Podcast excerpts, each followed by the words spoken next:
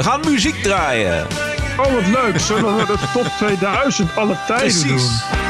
This is the TPO podcast. Criminele asielzoekers. Je zou zeggen, probleem is bekend. Hoe laat worden ze uitgezet? Maar het is echt uitzoeken hoe het zit. En daarom was dit gesprek vanochtend ook zo goed om met elkaar te praten van wat zijn de problemen, hoe kunnen we er wat aan doen. Volkskrant omarmt racisme en seksisme ter bestrijding van de verkeerde mening. En de rellen in Duindorp zijn de schuld van de PVV. Dus in principe hopen ze dus dat, er, dat op wie ze stemmen, dat die mensen hun verder helpen. En dat gebeurt niet. En dan raken ze teleurgesteld. Aflevering 150. Ranting and Reason. Bert Bresson, Roderick Phalo. This is the award winning TPO podcast. Het is eh, aflevering 150, eh, Bert. Toch een mijlpaaltje. Elke week een, Een aflevering. Wat zeg je? Een jubileum. We zijn begonnen eh, 6 februari 2017 met een nulnummer. Dus eh, dan zijn we drie jaar bezig. Oh, netjes. Eh, ja. Ehm, kunnen we nog herinneren? De, de allereerste Ja. keer? Ja. Ja, zeker. Tuurlijk. Dat mij- was meteen een succes. Dat was meteen een Er succes. was geen, eh, geen evaluatie nodig. Nee, hè? Nee, hebben we eigenlijk nog nooit gedaan, evaluatie. Nul nummer, nul nummer was gewoon meteen het eerste nummer. En toen in één keer zo doorgegaan.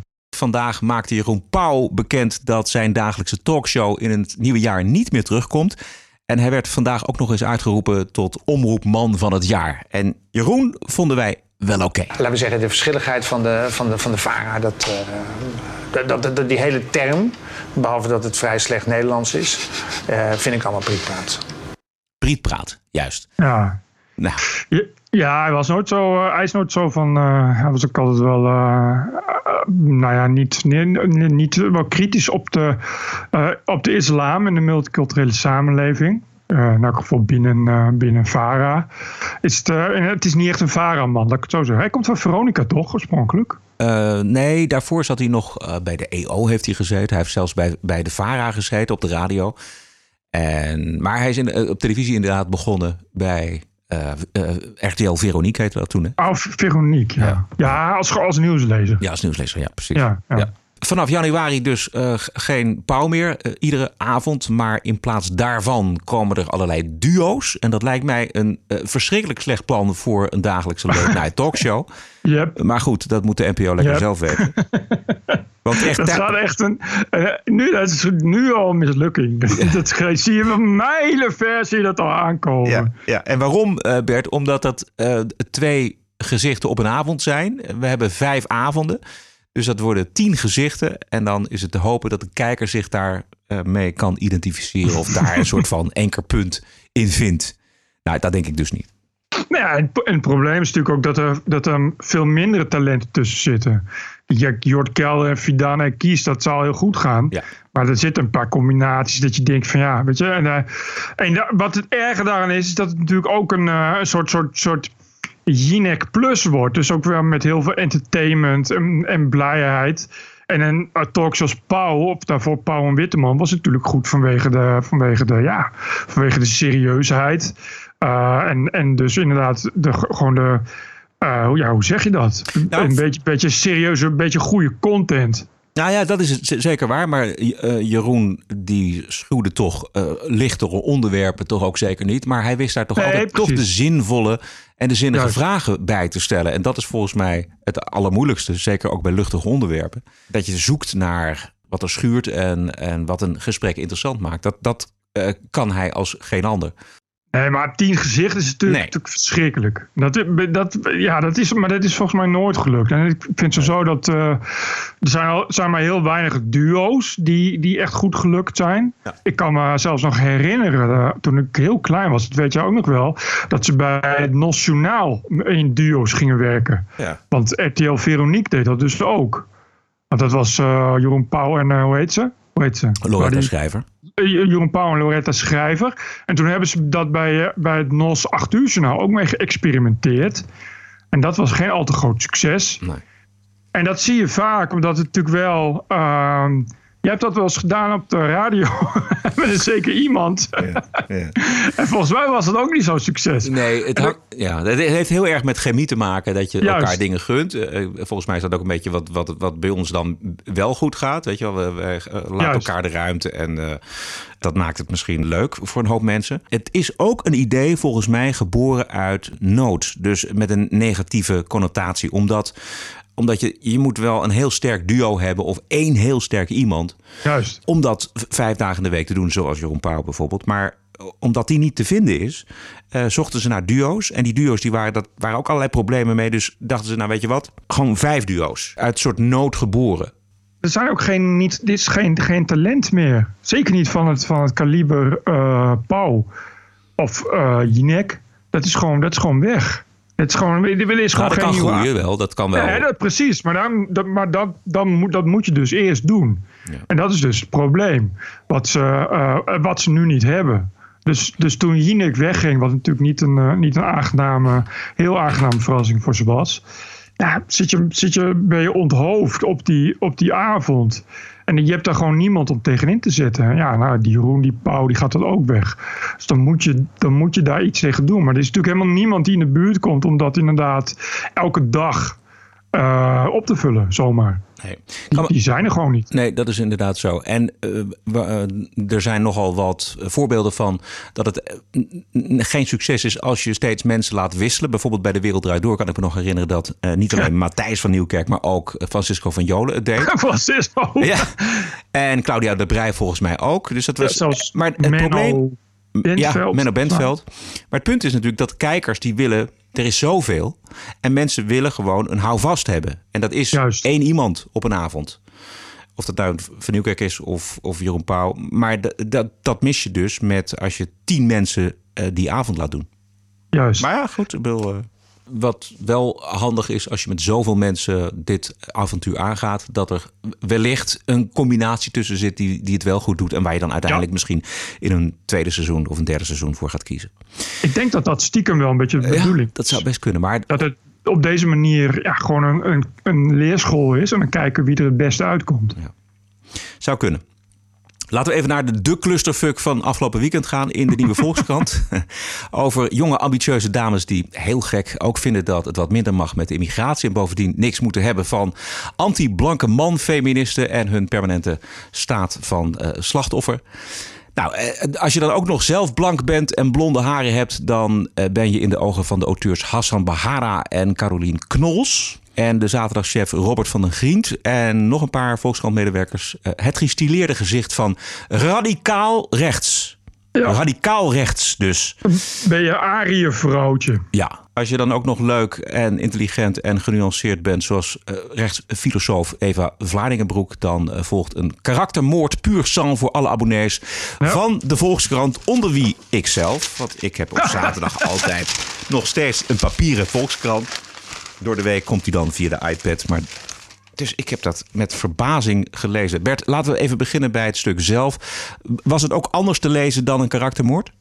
Nee, het stond eigenlijk eh, het stond zoals gebruikelijk eh, eh, weer heel groot op. dit zijn de nieuwe fascisten. En dan leuk ook met je, voor, met je foto op de voorpagina. Met een eh, eh, desbetreffende eh, tendentieuze titel erbij. Dus het kan niemand, niemand ontgaan zijn. En het begon eigenlijk al in de eerste alinea met, ja, met op de persoon spelen. Ja. Het is, ja, het- ja, nee, je kan het niet anders duiden dan karaktermoord. Nee. Het is heel simpel. Even nog de, die eerste alinea. Het vrouwelijke gezicht van radicaal rechts is knap, jong, blond en beschouwt het hedendaags feminisme als een groot gevaar voor de westerse beschaving.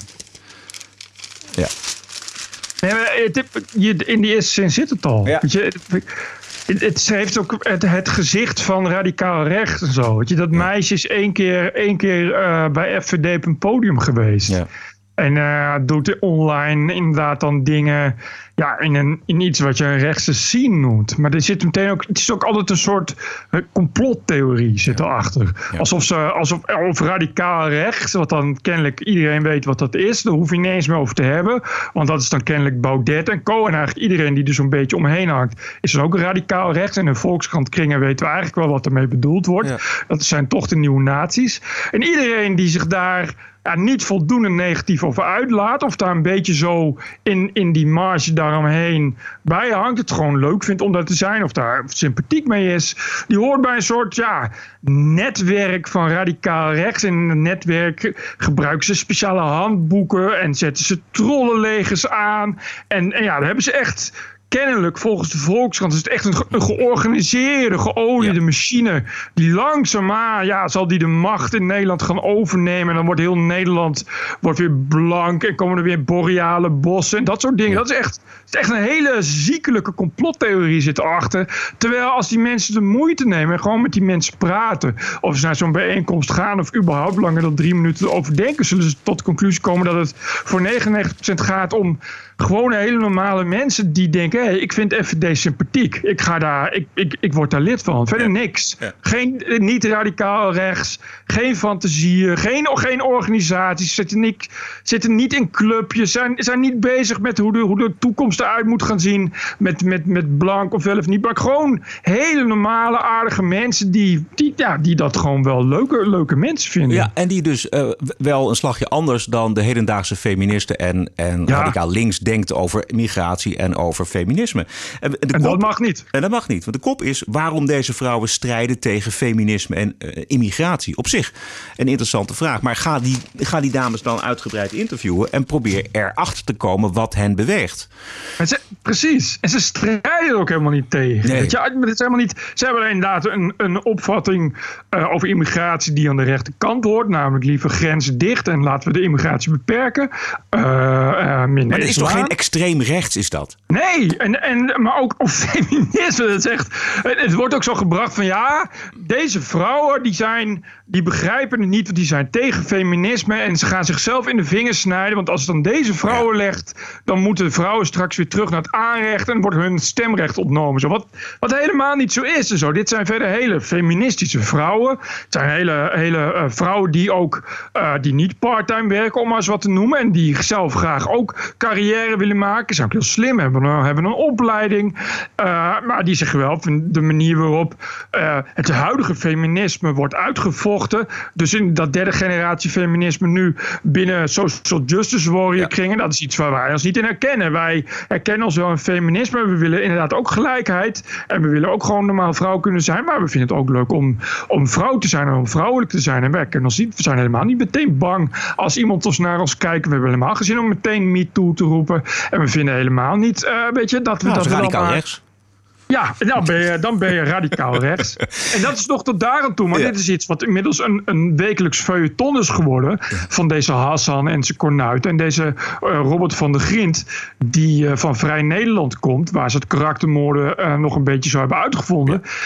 Die uh, is inderdaad zelf uh, radicaal links. En dat is een hele boze, rancuneuze linkse jongen. Die, kun je, uh, die kan er niet, geen genoeg van krijgen als er inderdaad van dat soort karaktermoordstukken worden gepleegd. En dat vind ik behoorlijk. Het begint behoorlijk ziekelijk te worden. Dat begint, zie je er ook een beetje in, in, terug. Want het is de hele tijd zonder bewijs. Al het bewijs is circumstantial ev evidence. Dat is iemand die, als je een keer iemand retweet, die ooit eens een keer een, een niet oké tweet heeft geplaatst, dan ben je al radicaal rechts. En meestal wordt er dan één hoogleraar geïnterviewd. Ja. Of als ze van tevoren al weten wat die hoogleraar gaat zeggen. Maar ja. interessant genoeg zegt die hoogleraar nooit iets over de zaak zelf. En er is ook geen enkel bewijs van wat die hoogleraar zegt. Exact. Het blijft altijd, blijkt altijd weer een mening te zijn van een hoogleraar. Ja, en dat die hoogleraar zelf ook radicaal links is. Ja, een Amerikaanse promovenda met een buitengewoon ja, vaag onderzoeksgebied. Amerikaans met nul affiniteit met de Nederlandse situatie.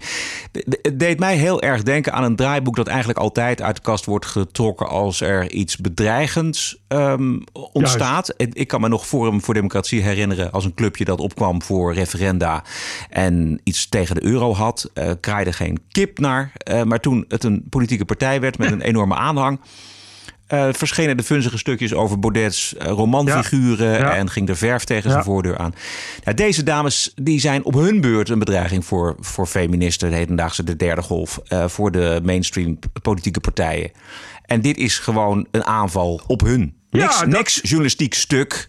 eh, waar dan die Robert van der Gient mee komt van het weekend. Overigens eh, had hij eh, vandaag zijn, zijn Twitter-account eh, opgeheven. Ja, dat zou paniek grappig. kunnen zijn eh, vanwege Ja, ja, de tweets natuurlijk. Ja. Want hij, hij kwam met een heel setje tweets waarin hij uiteindelijk eh, begon hij ook dingen te twitteren. Want eh, ja, je, op Twitter ging natuurlijk iedereen los. En nou kennen wij Twitter een beetje. En we weten dat dan de meerderheid wel inderdaad vrij radicaal rechts van Twitter is.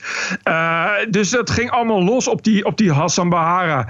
Eh, dus Robert van die Grient ging ook op Twitter daar voor die mensen, voor die Hassan een beetje opnemen. En die ging dan zeggen van ja, je mag, eh, je mag, eh, je mag eh, Hassan niet pakken op dat hij Marokkaan is of dat hij islamitisch zou zijn. Nou, dat is dan allemaal prima. Maar op een gegeven moment ging hij ook zeggen van ja, als jullie dat wel doen, dan gaan we aangifte doen. Dus en dat, hij had er nog wat van die tweets. Nee, die hij had hij meteen weer weggehaald. Ja, precies. Want het was ook heel dom. Hij zei eh, zoiets van: eh, de Eva uh, Vlaardingenboek hebben we wel eh, gebeld. En zij heeft eh, duidelijk gewacht tot helemaal het eind van de deadline. Ja, Alsof ja, je als een fatsoenlijke journalist je onderwerp eh, een deadline kunt opleggen. Precies. En verder zei hij ook nog dat, eh, of hij deed in ieder geval de suggestie dat eh, Eva haar mailbox zou eh, filteren op Marokkaanse namen. Ja, het was allemaal heel schunnig. Och.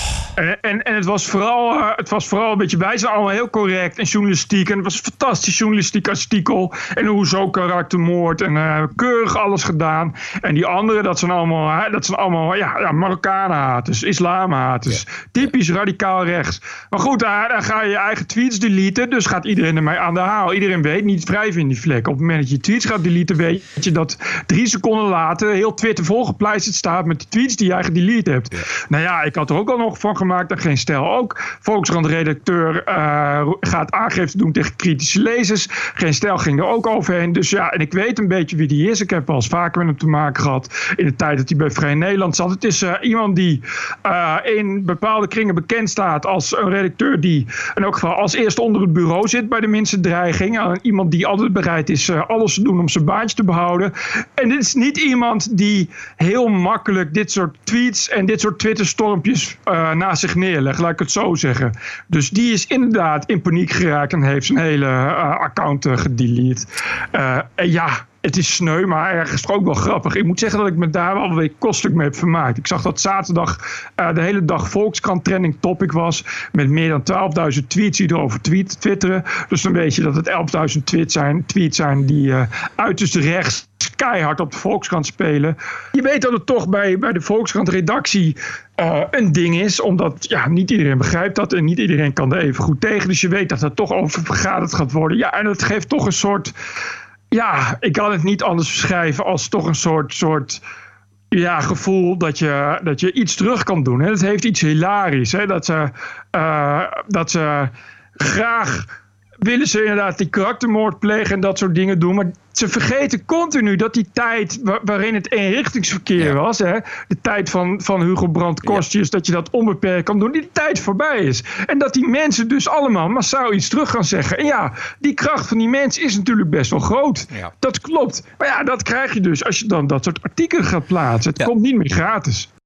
Uh, uh, dat zo'n chef notabene uh, zo'n zo zo Twitter moet deleten. Ja, dat zijn toch wel tafereelen uit 2001. Weet je, maar het is 2019 en het werkt nog steeds zo.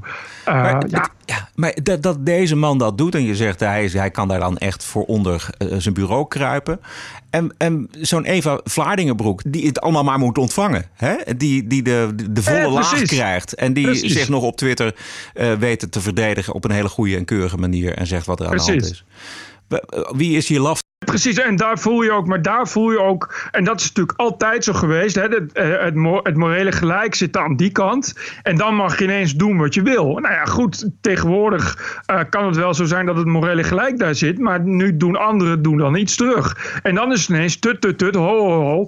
Weet je, je moet maar eens opletten. Telkens als het, als het, als het van rechts komt, dan is het ineens haatzaai. Het is altijd haatzaai. Het is haatzaai, ophitsen, polariseren, een kloof veroorzaken in de samenleving mensen tegen elkaar opzetten. De, als de Volkskrant doet precies hetzelfde. Op Ja. links doen ze precies hetzelfde. Ah, dan is het kritiek. En dan is het goede journalistiek. En dan is het, eh, ja, een scherpe kritiek moet mogelijk zijn. Zeker bij dit soort partijen. En zeker bij dit soort groepen. Ja, Amhula. Weet je, die mensen doen precies hetzelfde. En, en er is daar ook geen empathie. Weet je, dat bedoel, het is geen enkele, geen enkele manier dat zo'n fijne, morele hoogstaande Volkskrant ook nog eens denkt van, goh, hoe is het eigenlijk voor zo'n meisje? Weet je, als je Ja. daar met je foto op staat. Ja. En als je, daar, als, je, als je op die manier wordt weggezet. En als je daar inderdaad altijd moet je daar, want iedereen leest dat op zaterdag. Weet je, iedereen ziet dat in de supermarkt. Je staat met, je, met die foto's ook op de voorpagina. en iedereen.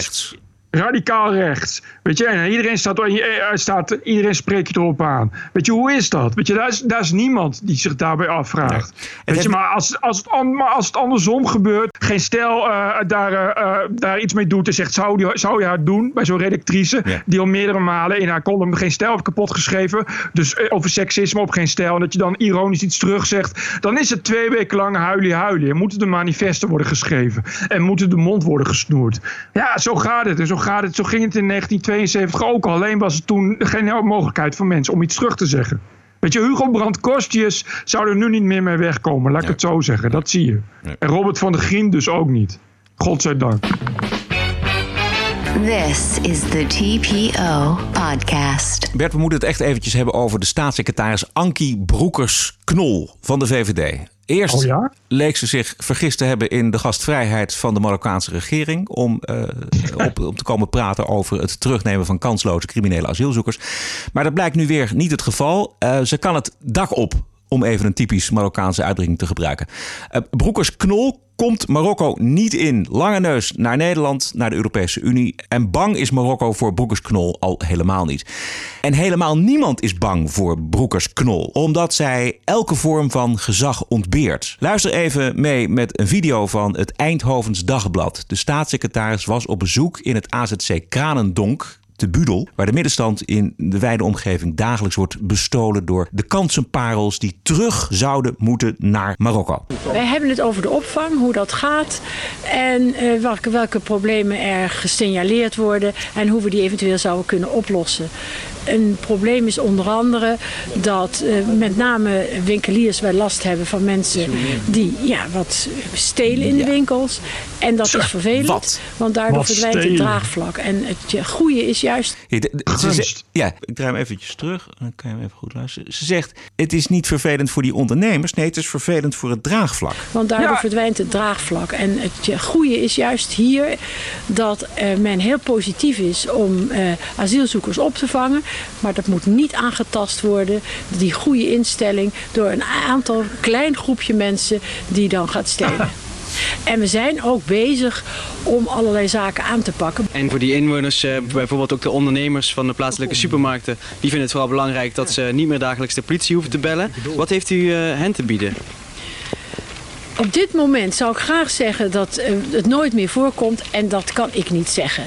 Wat ik, wel heel, wat ik in ieder geval wil zeggen aan de middenstand van Budel, dat ik heel erg begrijp wat voor probleem ze hebben. Dat ik dat naar voor ze vind, echt naar.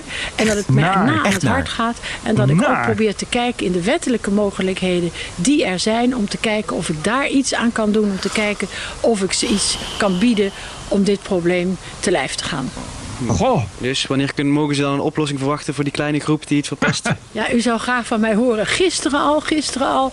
Maar het is echt uitzoeken hoe het zit. En Ja. daarom was dit gesprek vanochtend ook zo goed om met elkaar te praten van wat zijn de problemen, hoe kunnen we er wat aan doen, wat doen we al en hoe kunnen we het nog verbeteren. En daar zijn we mee bezig. Juist. En wat hebben wij nou gehoord van deze daadkrachtige staatssecretaris?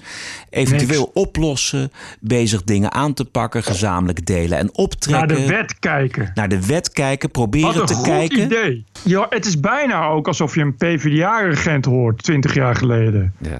Het is nu dus 20 jaar verder. En dan zegt ze gewoon nog steeds precies hetzelfde. Naar de wet kijken. Ik vind het zo'n goed idee. Daar was die hele middenstand zelf ook nog niet opgekomen. Hè? Geen politicus zou erop komen. Laten we eens naar de wet kijken. Maar ja, dan blijkt dat die wet dus dan precies het probleem is. Dat ze aan die wet niet zoveel hebben, omdat die jongens, uh, die uh, gemeleerde kleine groep uh, jongeren, die heel naar bezig is en soms wat winkels leegsteelt, dat die zich niet zo goed aan de wet houden. Nou miste ik in deze reportage de vraag. Dit zijn criminele asielzoekers zonder kans op verblijf. Wanneer stuurt u ze terug? Maar gelukkig werd die vraag wel gesteld door PVV Tweede Kamerlid Emiel van Dijk. Wat gaat u nou dan doen om ervoor te zorgen dat al die illegale, al die uitgeprocedeerde mensen met een vertrekplicht, waarvan er dus gewoon een beslissing ligt, je moet het land verlaten, dat die daadwerkelijk weggestuurd worden en niet hier worden gepamperd door de staatssecretaris? Staatssecretaris.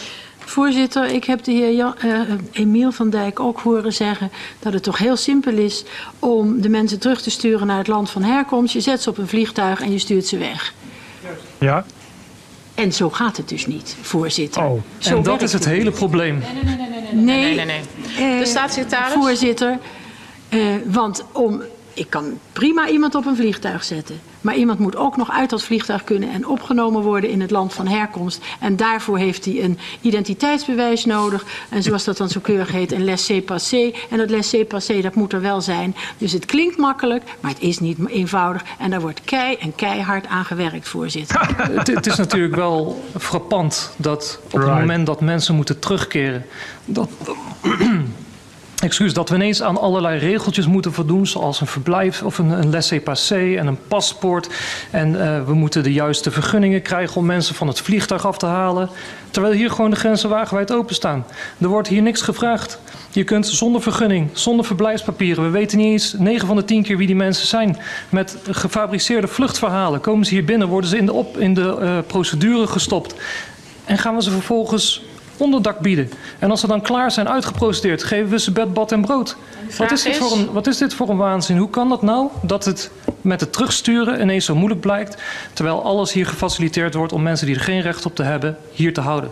Ja. Het probleem hier is natuurlijk de daadkracht van deze minister, uh, deze staatssecretaris. het is een VVD-staatssecretaris. Ja. ja, hou maar op. Die is daar ook neergezet omdat Mark Juist. Harbers uh, struikelde. Uh, over de cijfers over criminele asielzoekers in Nederland.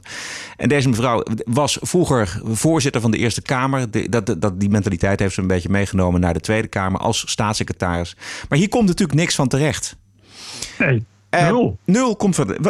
Waar het natuurlijk om, om draait, is dat je regeringen, als de Marokkaanse regering de duimschroeven aandraait. met sancties op het verschaffen van visa, uh, handelsrelaties, dat soort zaken. Juist. Maar dat, dat zie ik deze staatssecretaris niet doen, die zich voortdurend vergist in of ze nou uitgenodigd is niet, of ze nou welkom is of niet. ik zie dat deze staatssecretaris niet doen en ik zie dat deze regering niet doen. Nee. Ik denk ook niet dat ze het mag doen. Weet ik trouwens niet of ze dat mag doen. Dat is een goede vraag. Uh, ik heb wel uh, VVD-Kamerlid Bente Becker uh, gehoord in de Tweede Kamer. En die. Ja, maar dat is een Kamerlid van ja, de dat is VVD. een Kamerlid, precies. En die drukt toch wel een klein beetje. Luister. Kunnen we nou eens in kaart krijgen wat alle verschillende departementen aan activiteiten plannen en nog gaan plannen. om ervoor te zorgen dat die deur wel open gaat in Marokko? Om er zowel met een wortel, maar ook met een stok. ook met mogelijk het achterwege laten van dingen die Marokko misschien ja. wel leuk vindt en andere landen. Wat we gaan doen om voor elkaar te krijgen dat we overeenkomsten met dit soort landen gaan sluiten. En mensen die uitgeprocedeerd zijn ook echt terug te kunnen gaan sturen. Kan zij zo'n overzicht naar de Kamer sturen van die activiteiten van die verschillende departementen? Voorzitter, ik, zou heel graag zo'n, ik wil graag zo'n overzicht sturen, maar ik heb de medewerking van de, de andere departementen nodig. Ja. Dus dat is er ook niet meteen morgen. Maar het lijkt me goed om dat met elkaar eens te kijken wat de mogelijkheden zijn. Want dat is ongelooflijk belangrijk, voorzitter. Ik denk dat deze mevrouw een kasteel bezit en heel veel sherry drinkt. Dat hoor je wel een beetje doorheen, zal ik maar zeggen. Dit is inderdaad iemand die eigenlijk bestemd was om de rest van haar leven gewoon Eerste Kamervoorzitter te blijven. Ja. Dit is toch wel echt uh, uh, um, de, het, soort, de, het soort ja, typische parelketting liberale vrouwtjes VVD waar je, waar eigenlijk al lang geleden afscheid van hebben genomen, vrees ik. Het is des te pijnlijker omdat dit een dossier is waar zij op zit met een enorm hoge urgentie inderdaad wat zij zegt, wat het draagvlak voor de opvang asielzoekers is.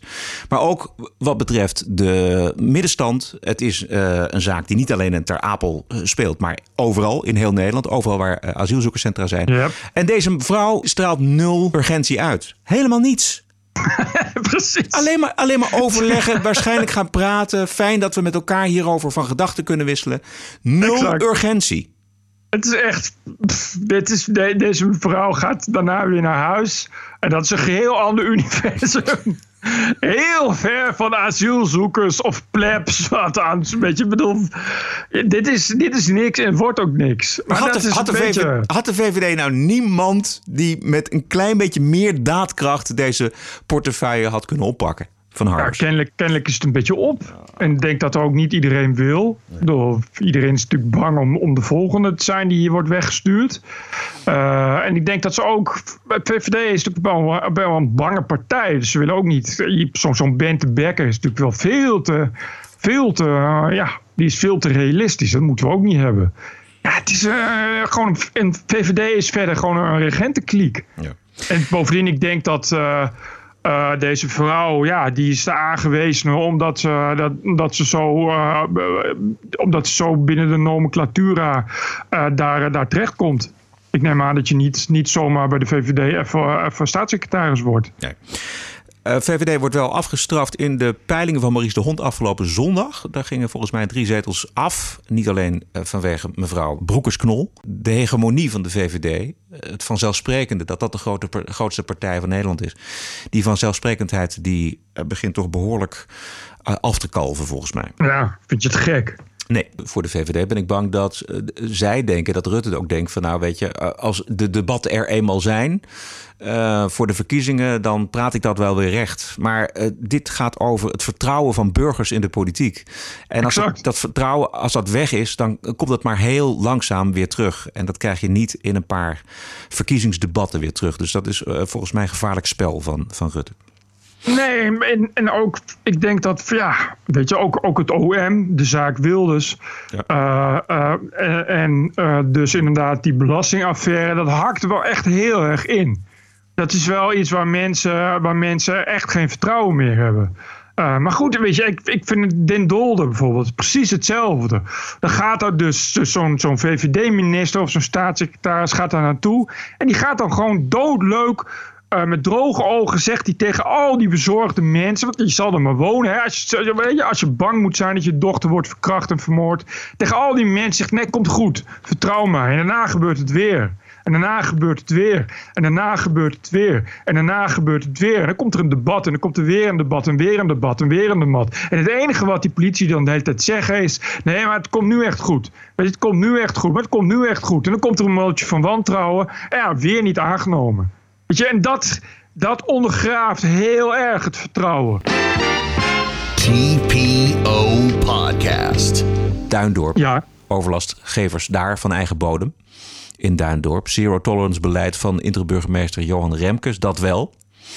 Maar het echt zinnige verhaal daarover hoorde ik ehm, afgelopen week bij, op Radio 1 bij Nieuws en Co. En dan met name het gesprek met eh, de geestelijk verzorger Glenn Helberg. Laten we even een stukje meeluisteren. Psychiater Glenn Helberg. Glenn, goedenavond.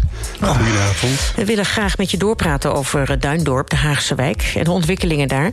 Ik ben zo benieuwd, hoe kijk jij daarnaar?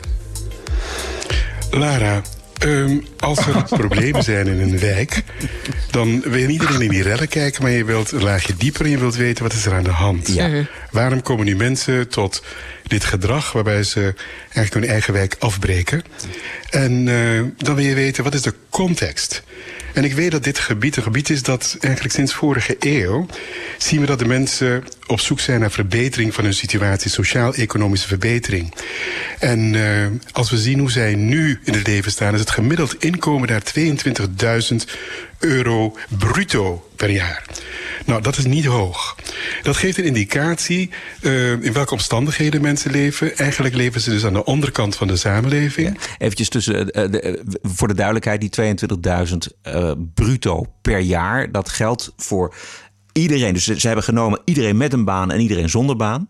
Mm -hmm. gemiddelde. En dan een gemiddelde pakken, ja. En dat betekent dat daarmee veel stress uh, bij hun naar boven komt. En uh, ja, die, die, die, die stress brengt de hoop met zich mee. Maar.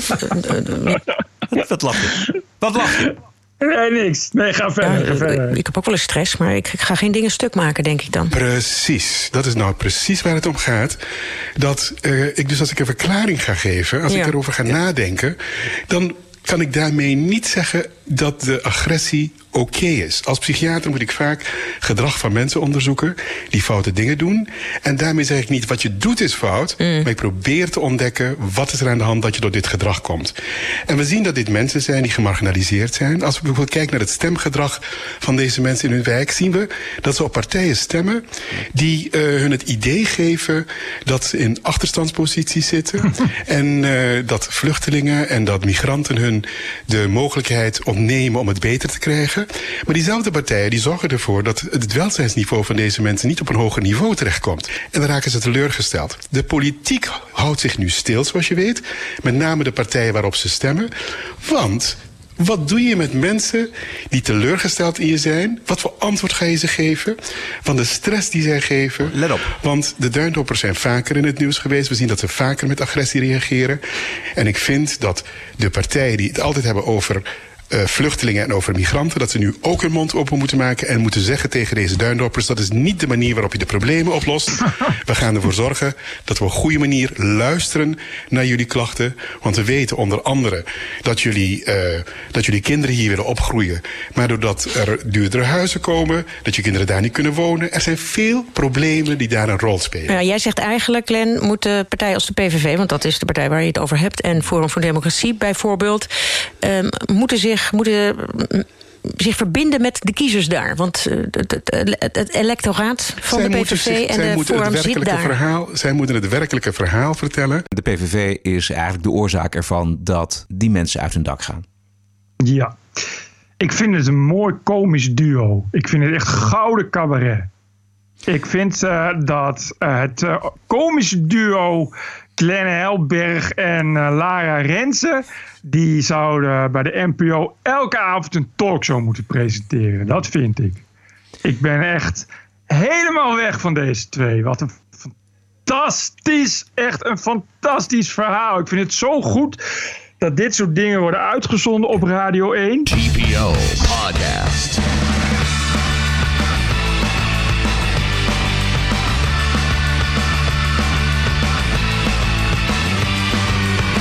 And Reason.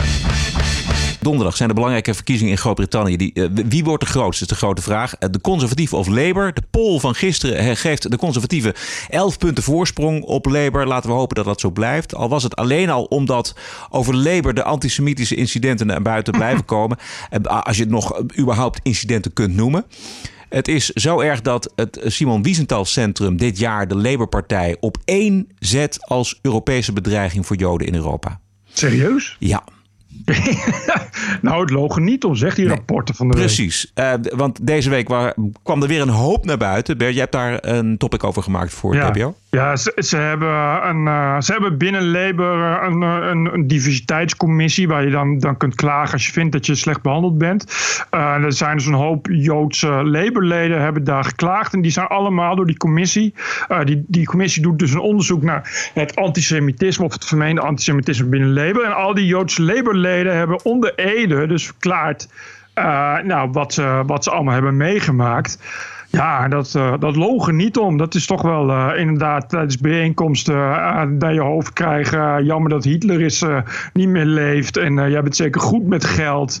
Uh, ja, eigenlijk, eigenlijk de, alle typische dingen die je in de jaren dertig in Duitsland ook zo'n ja. beetje, beetje langs zag komen. Laat ik het zo zeggen. Dus het is niet meer alleen uh, waar ze het altijd op gooien van ja, we zijn niet antisemitisch, maar antizionistisch. En het is geen kritiek op Joden, maar kritiek op Israël. Maar het, is nu, het blijkt gewoon dat echt ook, ja, gewoon puur echt op, op personen als Joden, ja, gewoon, gewoon Joden pesten echt. Dat was goed gedocumenteerd.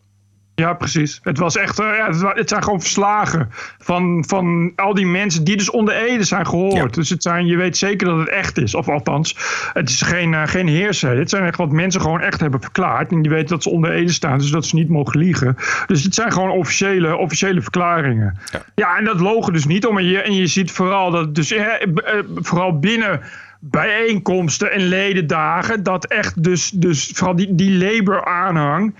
Ja, dat is een zorgwekkend antisemitisme. Ja. Ongelooflijk dat die man nog steeds eh, de scepter zwaait bij Labour eigenlijk. Hè? Dat, Ja, ik, dit, ik, begrijp er ook helemaal, ik begrijp er helemaal niets van. Maar dat Labour, ja, dat is dus net als de Democraten in de VS. Toch een beetje, een beetje een puinhoop, een beetje de weg kwijt. En, Ja. Ja. Ik ben benieuwd hoe dat, eh, hoeveel steun ze nog hebben. Dat eh, zien we dus aanstaande donderdag of anders eh, vrijdagochtend vroeg. Zo, TPO Podcast. we gaan eventjes kijken of er nog iets is binnengekomen aan donaties. Bert, jij houdt dat allemaal keurig bij. Hebben wij nog leuke berichten ge- binnengekregen en donaties? Nou, in elk geval kregen we 25 euro van Koen Rooijakkers uit Den Bosch. Die schrijft zojuist 25 euro gedoneerd voor jullie mooie podcast. Een verademing in het huidige verstikkende politiek correcte medialandschap van vandaag de dag. Mijn suggestie voor de doorontwikkeling van jullie podcast zou zijn om naast de nieuwsactualiteiten ook jullie licht te laten schijnen op lopende dossiers zoals de waan van, zodat de waan van de dag er een beetje afgaat. Nou, daar eh, zullen we over nadenken. Veel succes en tot horens, Koen Rooijakkers uit Den Bosch. Dankjewel, Dit is eh, Koen. Het enige wat ik heb binnengekregen aan de mail. Oké, nou daar, daar, mag er wel wat bij. Eh, misschien voor volgende week, voor aflevering 151. Eh, als u denkt van dit is eh, waardevol voor mij, plak daar dan een bedrag aan vast. En als u dat wilt opsturen, dan kan dat. Ga naar tpo.nl slash podcast. Daar vindt u de mogelijkheden om iets te doneren. This is our country. This is CNN breaking news. I believe that the president is literally an existential threat. Stop the hammering out there. Who's got a hammer? Make America great again. New York Times and CNN have also smeared veterans like myself. This video was taken during a heated exchange with an unidentified man who called Cuomo Fredo. Stop the hammering. This is the TPO Podcast. News 630 WMAL, Washington. Oh, Bert, het zijn historische dagen in Washington. Good afternoon, and with that gavel coming down, I'm Jake Tapper in Washington, and you're watching special coverage of this historic day. This is a historic day here in the nation's capital. It will be a busy and historic day ahead. You're watching CNN special live coverage of what can only be described as an historic day. This is turning out to be a historic day, a very important day. And another very, very important and historic day, a very historic and important day. Another historic day here in Washington, historic day here in the nation's capital. Chris, this is going to be another historic day here in Washington. Ja, mooi stukje uit de supercuts van eh, Free Bacon. Eh, dit zijn eh, compilaties die zij altijd heel erg mooi eh, compileren. En wat historisch was afgelopen week, dat waren eh, drie professoren. eh, uitgekozen door de Democraten. Eh, en die drie professoren die waren voor het afzetten van de president. On the basis of the testimony and the evidence before the House, President Trump has committed impeachable high crimes and misdemeanors by corruptly abusing the office of the presidency. What has happened in the case today is something that I do not think we have ever seen before. A president who has doubled down on violating his oath to faithfully execute the laws and to protect and defend the Constitution. If what we're talking about is not impeachable, then nothing is impeachable. Ja. Let wel, dit zijn dus geen getuigen. Dit zijn hoogleraren die hun mening geven. Hoogleraren die niet boven elke twijfel verheven zijn, overigens, omdat zij eerder eh, hun aversie over Trump hebben kenbaar gemaakt. Maar de CNN's van deze wereld die noemen dat dan een historische dag. De Nederlandse kranten die schrijven dat eh, impeachment weer een stapje dichterbij is. Eh, wat, wat belangrijk is volgens mij, is dat deze hoorzittingen met deze getuigen niet alleen indruk maken op alle politici en journo's die Trump weg willen hebben, maar vooral indruk maken op de Republikeinen in de Senaat. Juist. Omdat alleen de Senaat de president kan afzetten. En, en, en daar is nog helemaal geen sprake van, van die indruk. Dus alle opwinding ten spijt blijft Trump niet alleen zitten, volgens mij, maar gaat hij ook gewoon de vruchten plukken van eh, eh, deze gang van zaken en de verkiezingen volgend jaar glansrijk winnen. Met deze Democratische Partij als tegenstander althans. Exact. En wat er gebeurt is dat die, die media, die, die, die, die, je, die Nancy Pelosi, eh, Speaker of the House, zegt van, oh ja, oké, nee, we kunnen echt gaan impeachen. Weet je, en dan krijg je die media zo, een historisch moment, we gaan impeachen. Alleen, ja, weet je, het, het betekent verder gewoon niks. Dat betekent dat je dat, dat dan, dat is, dat is echt, het is precies hetzelfde als zeggen, ik ga naar de rechter. Ja, dat betekent nog niet dat je gewonnen hebt. Dat betekent dat je, dat je, dat je een zaak hebt, maar ja... Het kon nog wel eens heel lang duren. uh, allemaal. En dan daar krijg je dus het probleem dat, dat Trump natuurlijk die tweede verkiezing wil. Het laatste wat ze willen. Ja, en, en weet je, je kan impeachen wat je wil en dat mag ook. Maar ja, de, de kans dat de Republikeinen in de Senaat, die meerderheid de Senaat bezitten, dan inderdaad gaan zeggen: Oh, we gaan akkoord. Hij, hij moet aftreden, is natuurlijk bijzonder klein. En dat is echt een, echt een, een nuance en een detail wat volgens mij bewust wordt weggelaten de hele tijd. Het gaat er niet om wat je allemaal kan brengen aan mening of wat je allemaal vindt. Het gaat om bewijzen. En dat kon wel een hele harde dobber gaan worden. Exact. En dan moet je nog twee derde van de Senaat meekrijgen. Uh, om echt de ja, president af te zetten, is. wat heel veel is. En uh, de Republikeinen hebben daar de meerderheid. Dus dat is een, een enorme opgave. En daar zouden de Democraten, als het serieus is, die impeachment zich op moeten richten en met uh, overtuigend bewijs komen. Maar niemand gelooft eigenlijk aan de andere kant nog dat zij het echt serieus bedoelen. Dus het is eigenlijk alleen maar krantenkoppen produceren, headlines produceren. Ja. Ja. In de hoop dat mensen een, een, een negatieve indruk krijgen van, uh, van Trump. Maar dat is nog allerminst een uh, gewonnen race, om het maar zo te zeggen. Het is leuk dat je hoogleraar het voorschijn tovert. Maar ja, het zijn gewoon hoogleraren met een mening. Het is niet zo dat ze hoogleraar zijn in het uh, vakgebied hoe zetten we Trump af namelijk. Het zijn gewoon hoogleraren, willekeurig hoogleraren met een mening. Ja, dat, je kan iedereen, elke Amerikaan bellen met een mening. Um, in, in het verlengde daarvan nog eventjes terug naar dat NAVO-momentje van de Canadese televisie. Het, het theekransje van Trudeau, Boris Johnson, Macron en Rutte. Even lekker roddelen over Trump als hij er niet bij is. De, de, hele mainstream media in een deuk. Washington Post kopte de wereld lacht om Trump. En dit was wat het militaire en financiële fundament van de NAVO er zelf over te zeggen had. Trudeau, he's a nice guy. I, I find him to be a very nice guy. But you know, the truth is that uh, I called him out on the fact that he's not paying 2%. And I guess he's not very happy about it. Juist.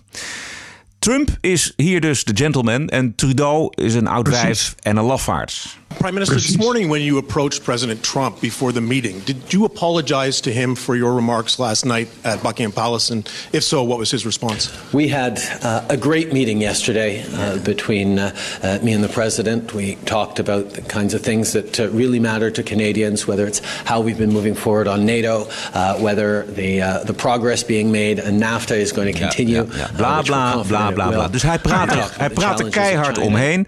Maar die verslaggever die blijft het proberen. When you told uh, President Macron and Prime Minister Johnson that you saw Trump's team of advisors' jaws drop yesterday, what were you referring to? What was it that caused that surprise uh, among them? We were all uh, surprised and I think pleased to learn that the next G7 will be uh, at Camp David. Uh, I think that was an unscheduled announcement and uh, I think everyone's team, uh, every different leader has teams who every now and then uh, have uh, their jaws drop at uh, unscheduled surprises, like uh, that video itself, for example. -huh. Een viezerige, ja. glijrige, het is echt zo'n D66er. Goed, we gaan afronden, Bert. Tot zover uh, aflevering 150. Vindt u dit een leuk geluid of een belangrijk geluid? Steun ons dan met een donatie.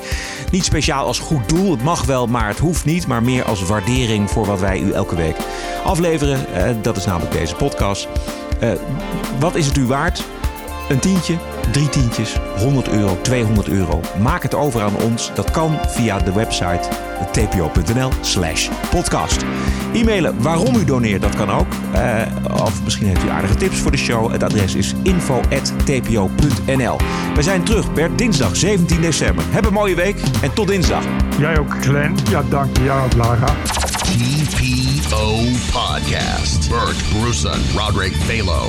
Ranting and Reason.